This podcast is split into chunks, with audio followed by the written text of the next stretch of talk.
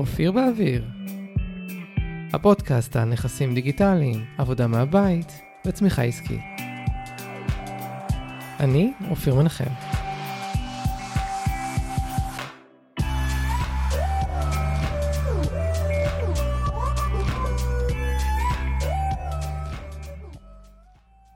היום בפרק נדבר על נכסים דיגיטליים, נבין מהם נכסים דיגיטליים, איזה סוגים של נכסים דיגיטליים יש, וגם מודלים ליצירת הכנסה מנכסים כאלו. אתם בטח מכירים כל מיני מודעות למאמרים מטעם כאלה, שמנסים לקרוא לכם קורס כלשהו עם הבטחה מפוצצת לעשות הרבה כסף בקלות וסגנון, הבחור הזה ילמד אתכם את השיטה הסודית לעשות מלא כסף מהבית. יש כל מיני גרסאות להבטחות האלו, כולל קורסים שרוצים ללמד אותנו איך לייצר חופש כלכלי בצורה כזאת או אחרת. אז בתוך כל הבליל הזה של מידע על השקעות הון, השקעות בנדל"ן בארץ או בחו"ל, שיווק שותפים, פתיחת חנות באמזון ועוד ועוד, אולי שמעתם גם על המונח נכסים דיגיטליים. אחרי שתשמעו את הפרק הזה, תהיה לכם היכרות לא רק עם הרבה סוגים של נכסים דיגיטליים, אלא גם על מודלים להכנסות בנכסים כאלה. ולא, לא יהיו שום חפירות על ביטקוין ומטבעות קריפטוגרפיים, מבטיח.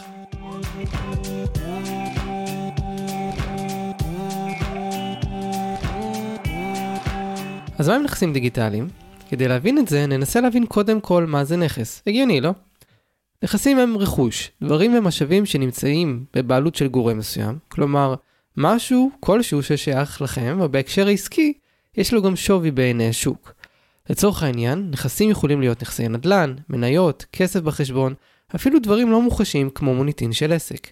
באופן דומה, נכסים דיגיטליים או נכסים וירטואליים אם תרצו, הם דבר מסוים שנמצא בבעלות גורם כלשהו, ולרוב יש להם שווי כספי בעיני השוק. ההבדל בין נכסים רגילים לנכסים דיגיטליים הוא בכך שנכסים דיגיטליים נוצרים, ובכן בצורה דיגיטלית, והשווי שלהם נגזר מהיכולת לייצר תועלת עבור אחרים. אז אחרי שהבנו מה זה נכס, אז נדבר על מושג אחר שקשור בהשקעות שיש סיכוי טוב ששמעתם גם עליו, והוא נקרא נכס מניב. מהו מניב? בדרך כלל כסף.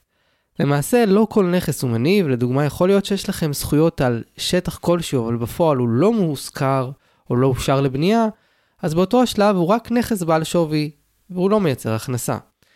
במרחב הדיגיטלי אנחנו שואפים שכל הנכסים יהיו מניבים, לא רק בגלל שאנחנו רוצים להתפלש בשטרות דולרים שמייצר לנו הנכס הדיגיטלי, כמו איזה ראפר אמריקאי אה, בזבזן, הסיבה שבגלל הקיום הדיגיטלי וירטואלי, השווי של הנכס מושפע הרבה יותר מהיכולת שלו לייצר לנו הכנסה ביחס לנכס רגיל.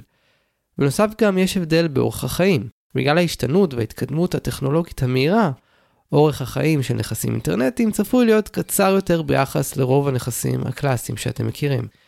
בהקשר הזה, אולי שמעתם על עוד מונח, מוניטיזציה, שפירושה הפיכת או ניצול משאב ליצירת הכנסה. בנכסים דיגיטליים אנחנו שואפים לייצר מוניטיזציה מהירה, כי ייתכן שאם לא נייצר מוניטיזציה כזאת מהנכס, יש מצב שנפספס חלק משמעותי מהפוטנציאל ההכנסה שלנו ממנו בטווח הארוך, מה שפחות משמעותי בנכסים קלאסיים שהשווי שלהם יותר יציב. זה יכול להיות ההבדל בין אי ניצול הזמן שיש לכם, נגיד את האתר הראשון למכירת uh, מוצר חדש בארץ, לעומת למשל קניית שטח להשקעה או קניית סל מניות לטווח ארוך. עכשיו נגיד כמה מילים על uh, מוצרים דיגיטליים. ביטוי נפוץ ודומה לנכסים דיגיטליים הוא אותם מוצרים. כשאומרים מוצרים דיגיטליים לרוב מתכוונים לתוכן שלכם שאתם מעבירים בצורה דיגיטלית כמו קורסים מקוונים או קבצי שמע שמבוססים על שירות או ידע קיים שיש לכם. למעשה מוצרים דיגיטליים הם למעשה סוג של נכס דיגיטלי. מצד שני יש עוד סוגים של נכסים דיגיטליים שפחות מבוססים על אה, שירות או ידע שיש לכם כבר. בכל מקרה אם ההבדל לא לגמרי ברור לכם הוא יתחדד בהמשך הפרק.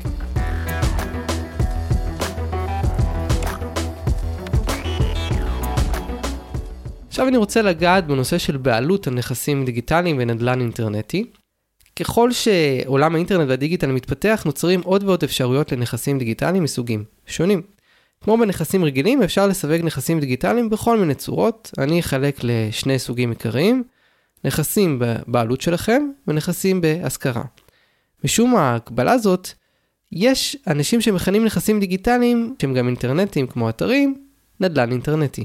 מעניין לציין שהפירוש של נדל"ן הוא קיצור של המונח הארמי נכסי דלה ניידי, כלומר נכסים שלא ניידים. נכסים בבעלותכם, אלו נכסים שיש לכם שליטה מלאה עליהם. דוגמה מאוד בולטת לזה היא אתרי אינטרנט במערכות פתוחות, כמו אתרי וורדפרס. הפתוח במקרה הזה לא אומר שזה פתוח לכל דכפין והאקרים לפריצה, אלא שקוד האתר בשליטה שלכם, כך שתוכלו לעשות בו איזה שינוי שתרצו, ולא פחות חשוב, זה מאפשר לכם להעביר את האתר לאן שתרצו. כך שאם יש לכם בעיה באחסון, אתם יכולים להעביר את האתר למקום אחר. חלק חשוב מהנכס הזה הוא כתובת האתר, שנקראת בשפה המקצועית כתובת דומיין. הסיבה לכך היא שמנועי חיפוש כמו גוגל מתייחסים לכתובת הדומיין ככתובת של המקום בו נמצא התוכן שמדורג אצלן. למעשה אתם יכולים אפילו להחליף מערכת אתר, כל אתם שומרים על מבנה האתר, הכתובות וכמובן התוכן, תוכלו להמשיך להיות מדורגים בצורה דומה. עוד דוגמה בולטת לנכס בבעלותכם הוא רשימות תפוצה של כתובות דואר אלקטרוני. כאלו שמאפשרות לכם לדבר לקהל שלכם ישירות לתיבת המייל שלו. משום שהרשימה היא בסופו של דבר אוסף של כתובות מייל ופרטים נוספים, תוכלו לעבור בין שירותים להפצת מסרים יהיה צורך. כלומר, הרשימה היא הנכס ולא המערכת בה אתם עושים שימוש. אז אחרי שדיברנו על נכסים בבעלותכם, נדבר על נכסים שלא בבעלותכם. נכסים דיגיטליים כאלה הם שונים מנכסים שבבעלות שלכם בכך שהם לא בבעלותכם המלאה. אה, הופה, הפתעתי אתכם, אה, טוב, כנראה שלא. לקטגוריה הזאת נכנסים למשל אתרים, ערוצים או חנויות אינטרנטיות שבניתם פלטפורמות של אה, חברות חיצוניות שונות. עד כאן הכל נשמע בסדר, נחמד, אז מה הבעיה? במערכות כאלו אתם יכולים לבנות אחרי עבודה מתמשכת פעילות וחשיפה לקהל עוקבים משמעותי, אבל בהתנהלות לא נכונה יכולים ביום בהיר אחד לסגור לכם את החשבון וכל העבודה שלכם יורדת ברגע לטמיון, למשל מעבר על תנאי שימוש. אז אולי אתם שואלים את עצמכם עכשיו, אז למה בכלל לעשות את זה אופיר? אז שימוש בפלטפורמות גדולות יוצר לכם אפשרות חשיפה לקהל גדול, שזה דבר מאוד חשוב. זה בדיוק מה שעמודים גדולים בפייסבוק או ערוצים ביוטיוב יכולים לאפשר לכם. להעלות סרטונים ביוטיוב ייתנו לכם פוטנציאל חשיפה גבוהה יותר מאשר כנראה לחשיפה שתקבלו אם תפתחו אתר משלכם שאליו תעלו uh, סרטונים, במיוחד אם זה אתר חדש. אז איך בכל זאת עושים את זה נכון? כמו כל השקעה, פיזור סיכונים. בגלל הסיכון שכרוך בהפעלת נכסים מושכרים, לרוב מומלץ לפזר את התוכן שלכם ולא להסתמך רק על פלטפורמה אחת, או לשלב אותה עם עוד נכס שכבר בבעלותכם. למשל, להעלות סרטונים גם ליוטיוב וגם לפייסבוק, או לכתוב תוכן בפייסבוק, במקביל לייצר תוכן דומה, אך לא זה אגב, כדי לא לפגוע בקידום, בבלוג שלכם.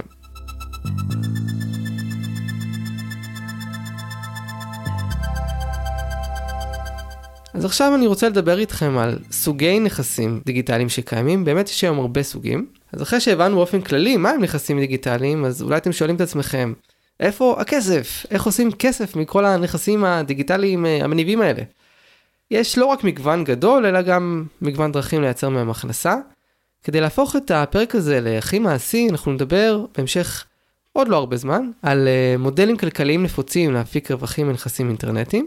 אבל רגע לפני זה אני רוצה שניישר קו ונדבר על הרבה נכסים דיגיטליים נפוצים שאתם נתקלתם בהם. הראשון הוא אתר אינטרנט, שזה אולי הנכס דיגיטלי הכי משמעותי ויכול להשתלב גם כחלק ממערך נכסים דיגיטליים אחרים. בעצם כשאני אומר אתר אינטרנט יש כל מיני סוגים בעצם שהם די שונים ביכולת שלהם uh, לייצר לכם כסף. אז אחת זה חנות אינטרנטית, שזה סוג של אתר שמוקד כמובן במכירת מוצרים. סוג אתר אחר זה בלוגים או אתרי תוכן כאלה ואחרים, שזה סוג של אתרים שהעיקר בהם הוא התוכן שאתם כותבים. במובן של נכס דיגיטלי, אתר כזה יכול למתג אתכם כמומחים ולייצר תנועה אורגנית מנועי חיפוש אה, לאתר שלכם. עוד סוג זה אתר תדמית, שזה בעצם אתר שנותן מידע עליכם או על העסק שלכם ומאפשר ליצור איתכם קשר. סוג של, אם תרצו, פרסומת גבוהה שאתם שמים לעצמכם אה, ברשת. נכס דיגיטלי מסוג אחר זה אתרי קורסים ומנויים, שזה גם סוג של אתר, אבל uh, מספיק גדול ונפוץ שאני רוצה לדבר עליו. מדובר גם בסוג של אתר, אבל כאן המוצר הוא למעשה תוכן או ידע מסוים שאנשים מוכנים לשלם עליו. אפשר להבדיל אותם לאתרי קורסים, שבדרך כלל התוכן בהם נמכר uh, פר מוצר, כלומר קורס, לבין אתרי חברים או מנויים בהם אנשים משלמים באופן קבוע כדי לקבל גישה לתוכן מסוים. למשל, לעיתון הארץ, גם לוויינט יש תוכניות מנויים בתשלום שנותנות גישה לתכנים שמיועדים לקוראים משלמים. עם זאת, אתרי מינויים גם רלוונטיים לאתרים קטנים, כאלה שמיועדים לאנשים שמתעניינים בתוכן שלכם, אם זה תוכן כתוב, סרטונים, הצגות, כל מה שאתם תשימו שם, אפילו כבשי קול. סקרנים, אז יש לי בפודקאסט אה, פרק ספציפי על יצירת קורסים דיגיטליים שכדאי לכם להאזין. שם נדבר הרבה יותר על הנושא הזה.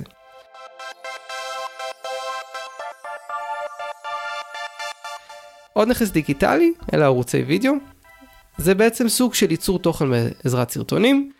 חוץ מהצורך לייצר תוכן מעניין לקהל הרלוונטי, נדרשת יכולת או למידה של צילום ועריכת וידאו, או העזרות באנשי מקצוע כדי לייצר את אותו תוכן.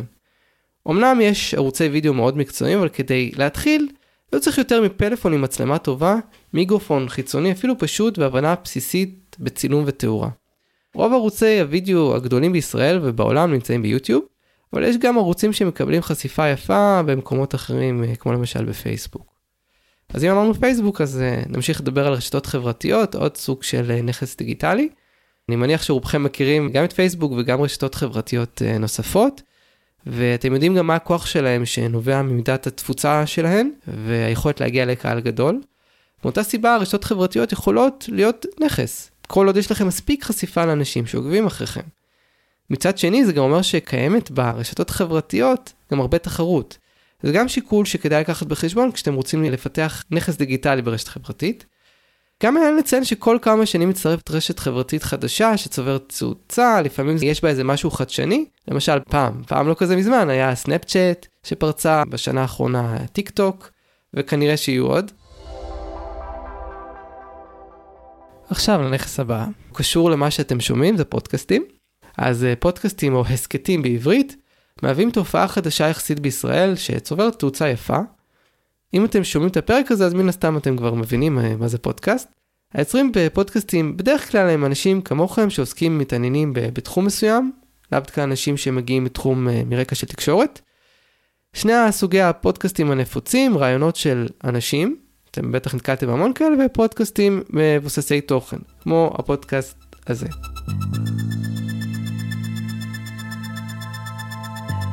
אז אם אתם זוכרים, קודם הזכרתי מוצרים דיגיטליים, אז יש עוד סוג של אה, נכס דיגיטלי, וזה למוצרי ידע או מוצרים דיגיטליים, למשל ספרים אלקטרוניים וקבצי שמע.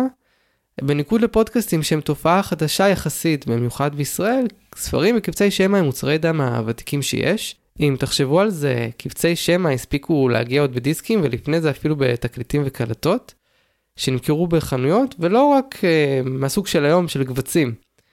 במקרה הזה די קל להבין למה מדובר בנכסים, מדובר במוצרים ממש, במובן הקלאסי, ומוצרים יכולים כמובן להפוך להכנסה.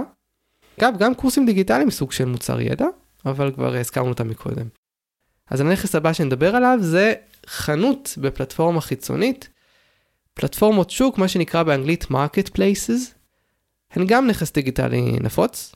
אולי הביטוי לא אומר לכם הרבה בפני עצמו, אבל פשוט מדובר במערכות שאתם מכירים, כמו אמזון ואי-ביי, שמאפשרות לאנשים לפתוח חנות אינטרנטית על גבי הפלטפורמה שלהם. היתרונות שאתם מקבלים מערכת מתוחכמת למכירה וגישה לקהל, שמחפש מוצרים ומעוניין לבצע רכישה. מצד שני, אם אתם נמצאים בסביבה מלאה במתחרים שמציגים מוצרים דומים, לפעמים אפילו זהים למוצרים שלכם. עוד נכס דיגיטלי שדי בוודאות נתקלתם בו כבר, דובר באפליקציות למכשירים ניידים. אפליקציות ניידים הפכו להיות מאוד משמעותיות בשנים האחרונות, כי פשוט כולנו יש טלפונים חכמים. היישומונים האלה דורשים יותר השקעה כספית מרוב הנכסים הדיגיטליים שהזכרתי. עם זאת, הם יכולים להיות נכס דיגיטלי חשוב לחברות קיימות שיש להן כבר אה, מוצר קיים שהם רוצים לשפר, הם רוצים לאפשר למשל ללקוחות גישה מהירה מהטלפון לשירות שלהם. במקרים אחרים האפליקציה היא בעצם לא משהו משלים למוצר, אלא המוצר בפני עצמו. אם תציצו במכשיר הנייד שלכם, תוכלו לזהות אפליקציות משני הסוגים האלה. הנכס הבא שנדבר עליו הוא קהילה אינטרנטית. ניהול קהילות ברשתות החברתיות הוא בעצם גלגול חדש יחסית של עולם הפורום הוותיק יותר. ברוב המקרים כשמדברים על ניהול קהילות מדברים על ניהול קהילה שהיא בעצם קבוצה בפייסבוק בתחום מסוים. אבל זה יכול להיות גם פלטפורמות אחרות, ואפילו קהילה במובן הרחב של עוקבים אחרי העסק שלכם. הקטע הקהילתי מבוסס על היכולת לייצר דיון ולא רק תקשורת חד צדדית, כמו מסרים באימייל או וואטסאפ, שמעבירים מסר לקהל שלכם, אבל הם לא ממש מעוררים דיון או שיח. שימו לב שלא רק גודל הקהילה חשוב, אלא כמות הפעילות שבה. קהילה גדולה עם מעט מאוד פעילות שווה גם מעט מאוד. אגב, אם יש לכם עסק או חושבים להקים אחד, זה הזמן להצטרף לקהילת עסק חדש שאני מנהל בפייסבוק, ואתם מוזמנים גם לעדכן שהגעתם אה, דרך הפרק הזה. הנכס הבא שנדבר עליו, רשימות תפוצה. רשימת או רשימות תפוצה של דיבור במייל קיימות כבר כמה שנים טובות, מאפשרות להעביר מסרים לקהל שלכם ישירות לתיבת הדואר האלקטרוני. כן, זה הכי שנת 2000 שלי, דואר אלקטרוני. ברשימות תפוצה עושים בדרך כלל שימוש כערוץ שיווקי, והיא לרוב תכיל קהל עוקבים שהוא מעבר למעגל הלקוחות, זאת אומרת אנשים שהם לא לקוחות, אבל יכולים פוטנציאלית להיות לקוחות שלכם. יש מקרים מעטים שהעסק עצמו מתבסס על רשימות תפוצה, כמו Morning Brew, האמריקאים שמייצרים עדכון תוכן יומי בענייני חדשות אה, למכותבים שלהם. יצירת נכס מרשימת תפוצה תדרוש מכם לכתוב תוכן מעניין באופן קבוע וגם לשמור על מינון נכון בין תוכן מקורי לבין עדכונים והצעות עסקיות, כאלה שבעצם מייצרות לכם הכנסה. אגב, התוכן העיקרי לא חייב להיות במייל עצמו, אפשר כמובן להפנות לנכסים דיגיטליים אחרים שלכם, כמו לבלוג או ערוץ וידאו. אפשר בהקשר הזה גם להוסיף ניהול קבוצות חד-כיווניות, כאלה שרק אתם שולחים בהם מסרים, כמו וואטסאפ או טלגרם, כסוג של רשימות תפוצה. ההבדל בניגוד לרשימות תפוצה במייל, שבמקרה הזה מדובר על נכס שהוא לא בבעלות שלכם, מה שהזכרתי מקודם. אם אתם סקרנים ללמוד עוד על אה, רשימות תפוצה, יש בבלוג שלי סקירה על מערכות דיוור במייל. עכשיו ככה לסיום נדבר על נכסים אחרים, אז בפרק הזה לא נעבור על כל הסוגים של נכסים הדיגיטלי שקיימים, אני מדבר אבל באמת על המשמעותיים יותר. אבל כן כדאי לזכור שיש עוד סוגים נוספים שאולי חלקכם תיתקלו, יעלו לכם לראש אה, אחרי שתשמעו את הפרק הזה. נכסים יכולים להיות גם נישתיים, פונים לקהל מצומצם ביחס לקהל הכללי, אך עדיין הם יכולים להיות גם רווחיים. לדוגמה, מוזיקה שאתם יוצרים, תוספים לתוכנות, תמונות, סרטונים או גרפיקות, את כל אלה אפשר למכור לאנשים פרטיים או עסקים שזקוקים להם לצורך עבודה.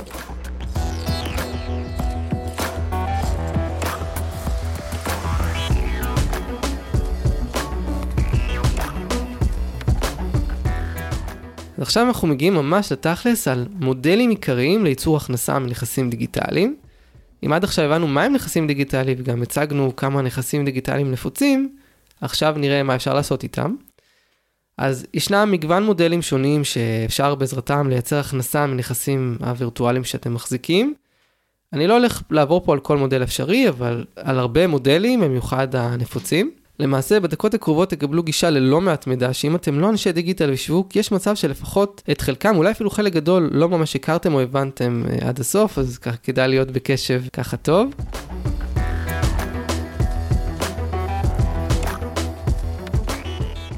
המודל הראשון זה מודל המכירות, זה מודל שקל להבין, באתרי אה, מסחר, אתרי e-commerce, או אם תרצו חנויות מקוונות, הן מאפשרות לכם מודל הכנסות דומה לחנויות רגילות. במודל הזה ההכנסות נובעות ישירות מכמות המכירות שמתבצעות באתר שלכם.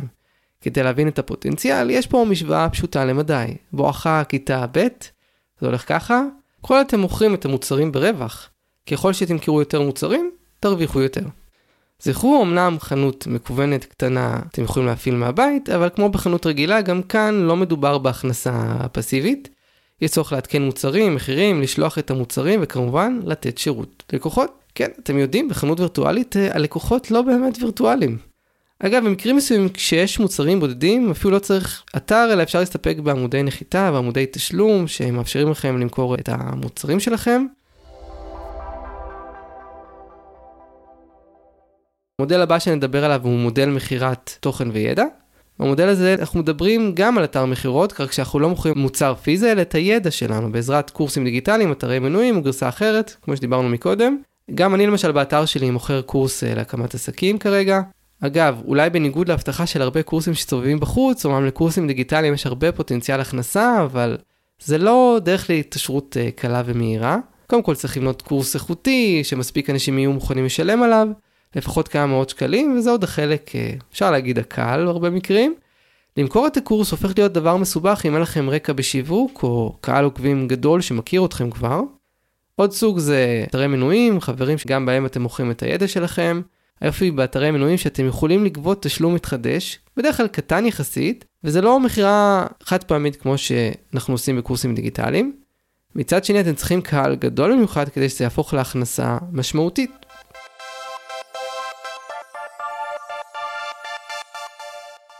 המודל הבא שנדבר עליו הוא שיווק שותפים. יש סיכוי טוב ששמעתם על שיווק שותפים מתוך זה שנתקלתם בקורסים שמבטיחים הבטחות עד השמיים בסגנון לייצר 8,000 שקל הכנסה בחודש משעה עבודה ביום כשהטלוויזיה פתוחה על נטפליקס ברקע. אז במציאות זה לא ממש ככה, עמכם הסליחה.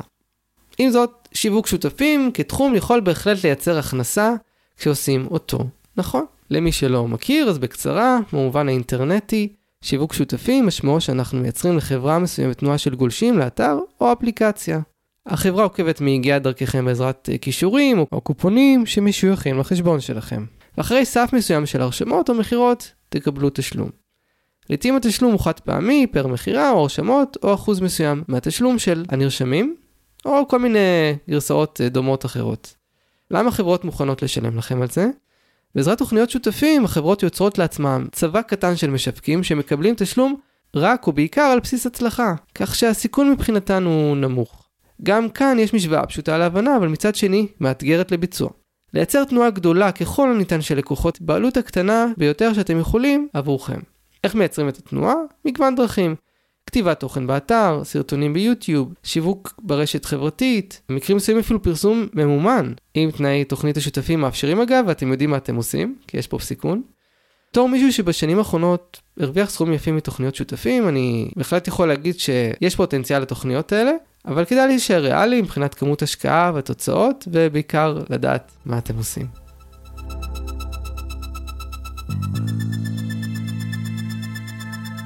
עכשיו נדבר על המודל הבא, חסויות. חסות זה בעצם מצב שבו חברה כלשהי מחליטה לשלם לכם כדי שיקדמו את המסר שלה, בדרך כלל שקשור לשירות או מוצר, ורלוונטי לקהל שלכם. זאת כמובן לא המצאה חדשה, אתם מכירים חסויות כבר הרבה שנים משידורי טלוויזיה ורדיו, בסגנון אה, חסות אחת וחזרנו. ההבדל שבעידן הזה, המודל הזה גם הופך להיות רלוונטי עבורכם, ולא רק לכלי תקשורת גדולים. יש כמה סוגים של נכסים דיגיטליים שיש בהם הרבה פעמים חסויות, הבולטים פודקאסטים, בלוגים, ערוצי וידאו וניהול קהילות. דוגמה לחסויות היא סקירות רשת, אולי נתקלתם ביוטיוברים שפעילים שאומרים שהם סוקרים מוצר רלוונטי לתחום של הערוץ שלהם, אותו הם קיבלו מחברה כלשהי. בתמורה לסקירה, אותם יצרי תוכן מקבלים תשלום שיכול לנוע מסכומים חביבים עד מוגזמים. כן כדאי לקחת בחשבון שצריך קהל מאוד גדול, ובשוק הישראלי יש מעט מאוד אה, יוטיוברים, בלוגרים או פודקסטרים, הרבה רעים, שמקבלים אה, חסויות בסכומים משמעותיים. באופן דומה, גם מנהלי קהילות גדולות ופעילות יכולים למשוך חסויות, לפעמים החסות היא לא תשלום, אלא שיתוף פעולה שמניב לקהילה תועלת, כמו גישה להרצאות בחינם, לדוגמה.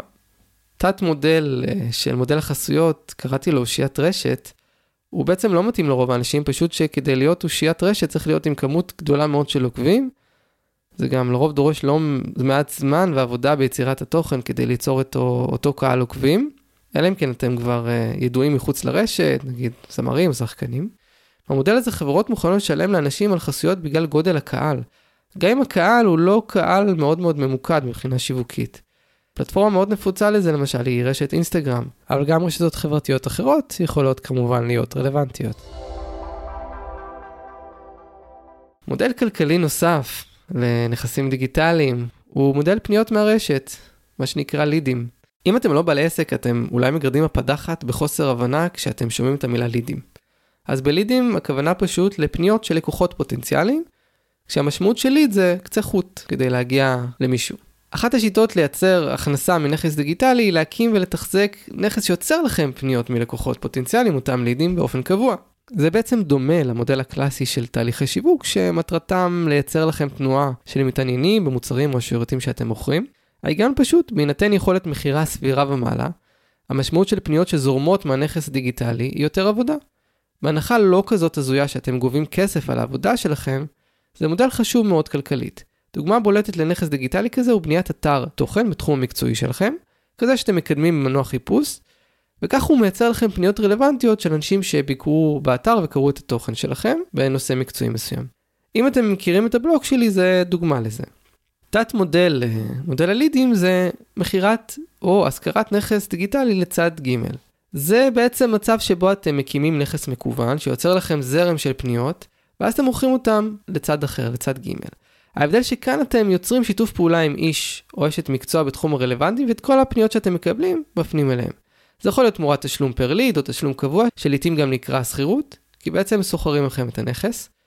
באופן דומה אפשר גם בטווח הארוך אפילו למכור את אותו נכס. לדוגמה, אתם יכולים לפתוח אתר שעוסק בגינון עם תוכן רלוונטי, אם אתם מקדמים את האתר, במקביל אתם פונים לגננים שמעוניינים לקבל לידים בתשלום. אגב, מה שנחמד, בניגוד לסוחרים רגילים, אם מפרים הסכמים ולא משלמים לכם, תוכלו לפנות אותם מהנכס בהינף מקלדת. למודל הבא, מודל של פרסומות. אם יש לכם אתר תוכן פעיל עם תנועת גולשים גדולה, אחת האפשרויות להרוויח ממנו היא להוסיף פרסומות לאתר. למעשה פרסומות בנכס דיגיטלי שלכם היא דרך מוניטיזציה יחסית ותיקה מונחי האינטרנט, וקיימת כבר מהשנים הראשונות של הרשת, לפני 20 שנה, אולי אפילו יותר.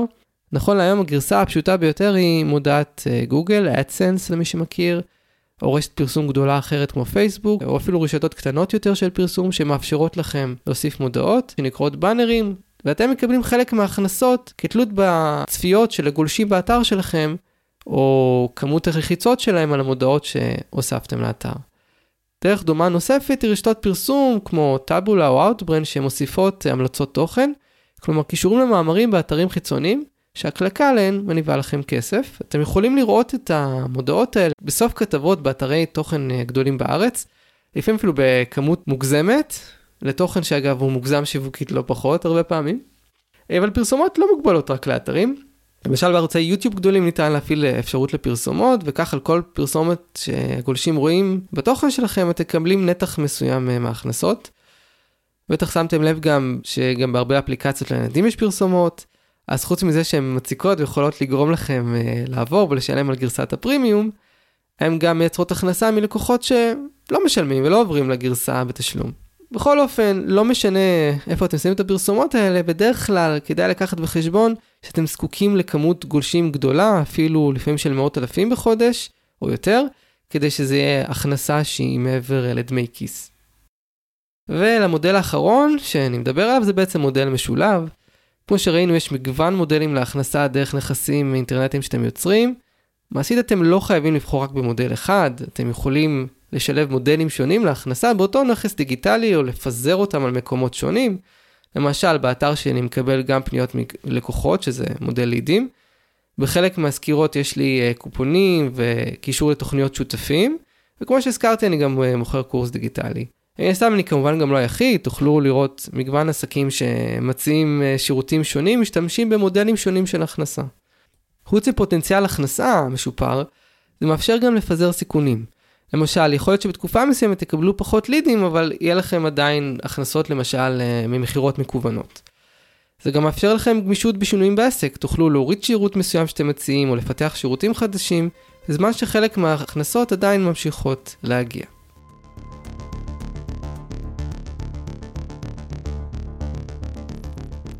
אז לקראת סיום אני רוצה שככה ננסה לעשות סדר ונבין איזה מודל הכנסות מתאים לכל uh, סוג uh, נכס. לפני שאני מונה פה את כל הרשימה אז אני רק רוצה להגיד ששימו לב שאלו דרכים הראשיות לכל פלטפורמה, לפעמים יש גם דרכים משניות לייצר הכנסה, למשל ערוץ וידאו יכול לייצר לכם פניות גם שזה לא המטרה העיקרית שלו, שמטרה העיקרית יכולה בכלל לייצר הכנסה מפרסום. אז הנה אז בואו נעבור על זה, חנות אינטרנטית, מודל מכירות, אתר תוכן, מודל לידים, מודעות, פרסום, חסויות ותוכניות שותפים. ערוצי וידאו כמו יוטיוב ורשתות חברתיות, חסויות ותוכניות שותפים ומודעות פרסום. לגבי פודקאסט, מה שנפוץ שם זה חסויות ופרסומות, בארץ הפרסומות פחות רלוונטיות. ולסיום, ניהול קהילות, בעיקר אנחנו מדברים על חסויות ותוכניות שותפים.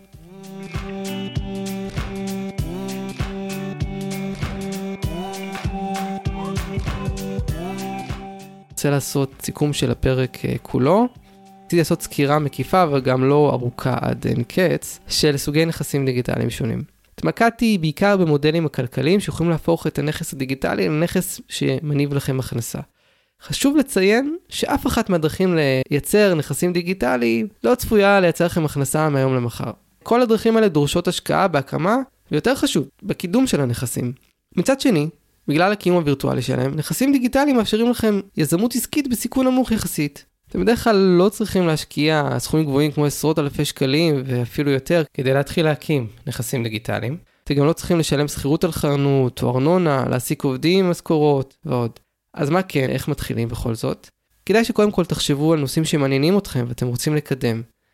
וגם לא פחות חשוב לחשוב על איזה נכס יש פוטנציאל בנקודת הזמן הנוכחית אה, או בעתיד הקרוב.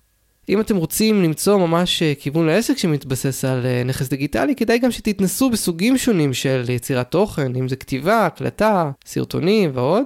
זה יעזור לכם להבין לא רק איזה תחום מעניין אתכם, אלא באיזה פורמט הכי נחמד לכם לעשות את זה. אז זהו, תם זמננו להפעם, אני מקווה שנהנתם, אני לא רואה אתכם, אבל אם אתם מעניינים בראש, אני אשמח. אם אתם כבר רוצים להקים אה, נכס דיגיטלי, אתם כמובן מוזמנים ליצור איתי קשר דרך האתר. בכל מקרה, נוכל להשתמע בפרק הבא.